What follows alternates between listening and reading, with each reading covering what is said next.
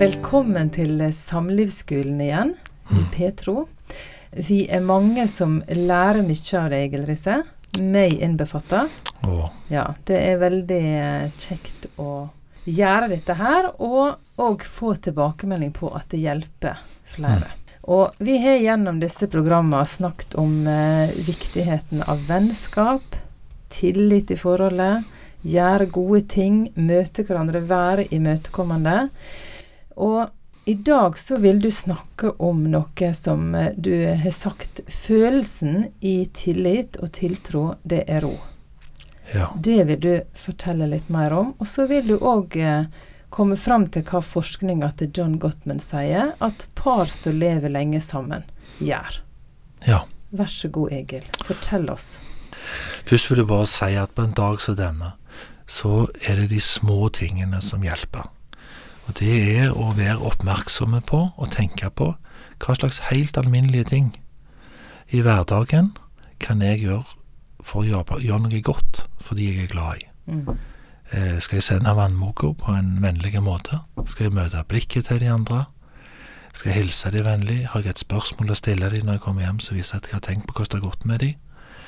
Små ting ofte, det er det som bygger vennskap, og det er det som bygger trygghet og tillit, og en konto som, som gjør at du er robust i møte med vanskeligheter.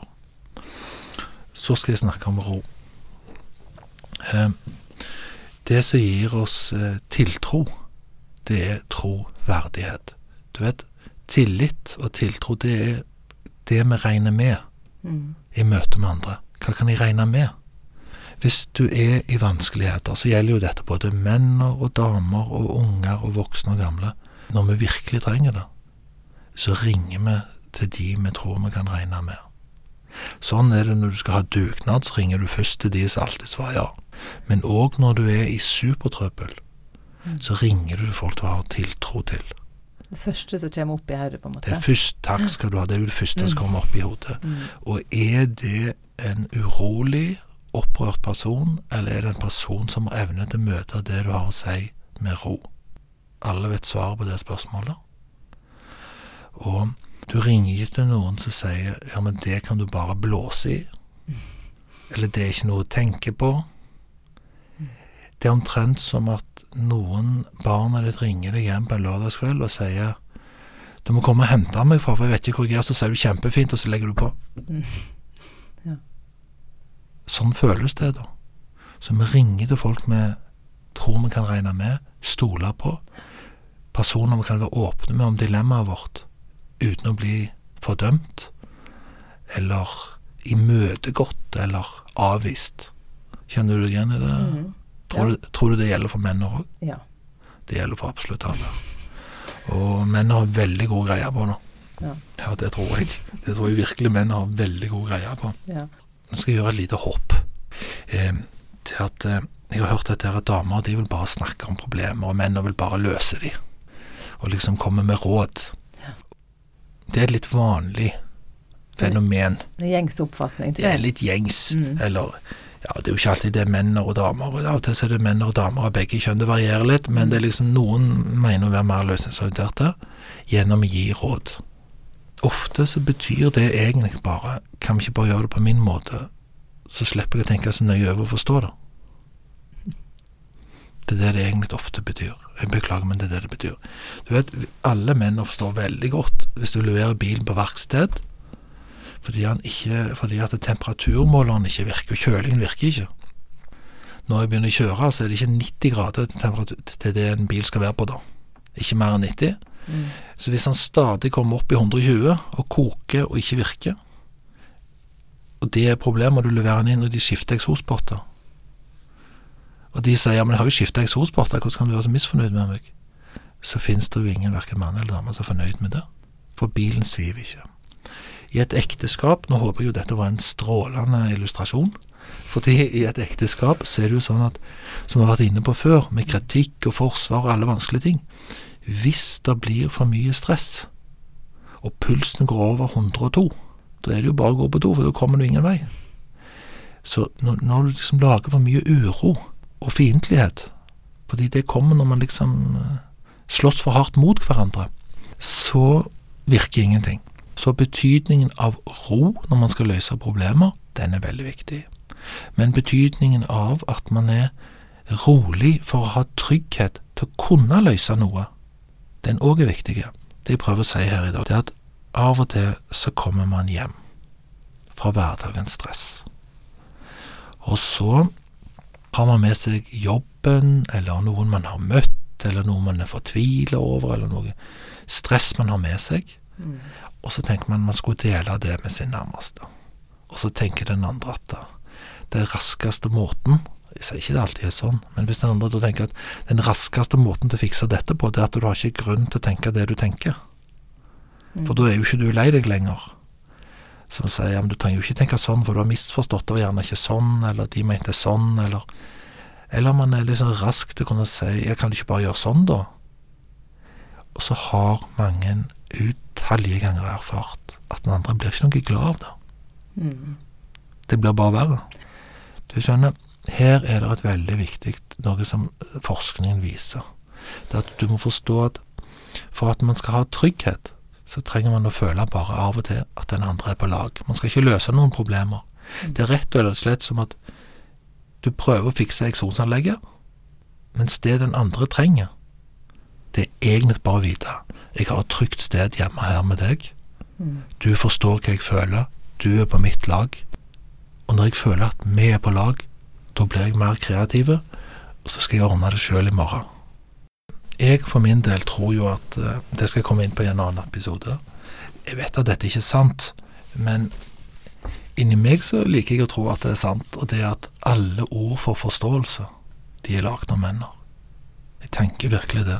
Det er ingen som har så gode greier på hva forståelse er som, som menn. Ja. Det var du eksempel på. Oi, oi, oi, nå har jeg rota meg oppi nå. Nei, jeg sier det jo litt på gøy, for, for, for, å si litt på skrå og leke litt med sånne forestillinger. For du vet, det er mennene som synger 'You Will Never Walk Alone' i, i verdens største mannskor. Mennene vet hva det er. Ja. Mange menn liker vel actionfilmer liksom med sånn 'I will hold your back', eller mm. 'I will stand by you', eller og på engelsk har de verdens fineste ord for forståelse. I will understand you. Jeg skal stå under deg. Jeg skal ikke kjempe ned det du føler, men jeg skal stå under deg. Mm. I will stand by you. Og på norsk har jo vi verdens fineste ord for tillit. Den fineste språket for tillit i hele verden er norsk. For det består av to til som er vendt til hverandre. Det er imøtekommenhet fra begge ender. Jeg tror ikke det finnes et så fint ord på jorda som illustrerer hva et eh, godt samliv er. At man er vendt til hverandre, og at det gir tillit. Bare tenk på dette med forståelse. Bare i det ordet der. Nei, det er jo bare underfundigheter, altså. Men, men det er inni der så står det 'stå for Elsa', eller 'se for Ståle'. Det er veldig artig. Ja, men det er det. det, er det. Og på, på, svensk er det veldig fint. Det som skulder ved skulder. Alle forstår at det handler om jeg, jeg vil stå skulder ved skulder. Når du er i trøbbel mot 100, og du står alene, så er det hardt. Det er jo ikke bare en hundredel bedre å ha en som står ved den side. Problemet er halvert hvis én står ved den side. Alle forstår dette. Så når noen kommer hjem og er stresset og føler livet hardt, så har det en uendelig stor betydning at man rett og slett kan være forståelig for den andre. At den andre kan forstå at man har det sånn. At den andre kan nærmere sette seg ned, ta på dine sko og si 'Vet du hva, dette kan jeg forstå kunne føles sånn'. Hvis jeg var i dine sko, alt det du står i Hvis den andre forteller hvordan hverdagen din er, og vise innsikt, for han har et utrolig godt eh, kjærlighetskart. Vet hvordan livet ditt er, og hvilke dilemmaer du står i til vanlig. Sette ord på det. Mm. Det føles som en vårflom gjennom kroppen av lettelse. Isen smelter, vannet går, fløtingen kan begynne, og det spirer i båndene av brev. Det, det er så godt med forståelse. Alle lengter etter det. Og det høres jo veldig rart ut for mange, det.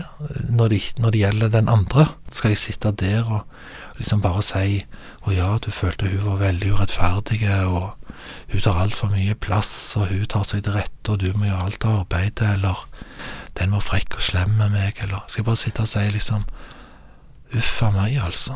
Så forferdelig. Er at du skulle oppleve det, at de behandler deg på den måten. Ja, det skal du. Mm. Empatisk lytting, ikke sant? Ja, det er i hvert fall empatisk lytting, men det du skal aldri gjøre når den andre trenger å finne ro, det er du skal never side with the enemy. Du skal aldri si 'den andre har et poeng', eller 'jeg har nå sett, jeg kan jo forstå for jeg har jo òg erfart deg litt sånn, så jeg, det skal du aldri si når det er behov for å roe ned. Da skal man kun si 'jeg forstår hva du føler'. Jeg kan sette meg inn i din situasjon. Så skal du ikke løse noe som helst. Og da er problemet løst. Mm. For problemet er at den andre trenger å kjenne at det er et trygt sted å komme hjem til. Mm. Det er en trygg relasjon som man alltid kan være åpen i. Og så faller man til ro, og i den tryggheten får man styrke. Sånn er det. Det å elske gir utrolig mye imot. Det å bli elska, det gir stor styrke. Motsatt. Det å elske noen gir kolossal styrke. Og det å være elska, det gjør enormt mot.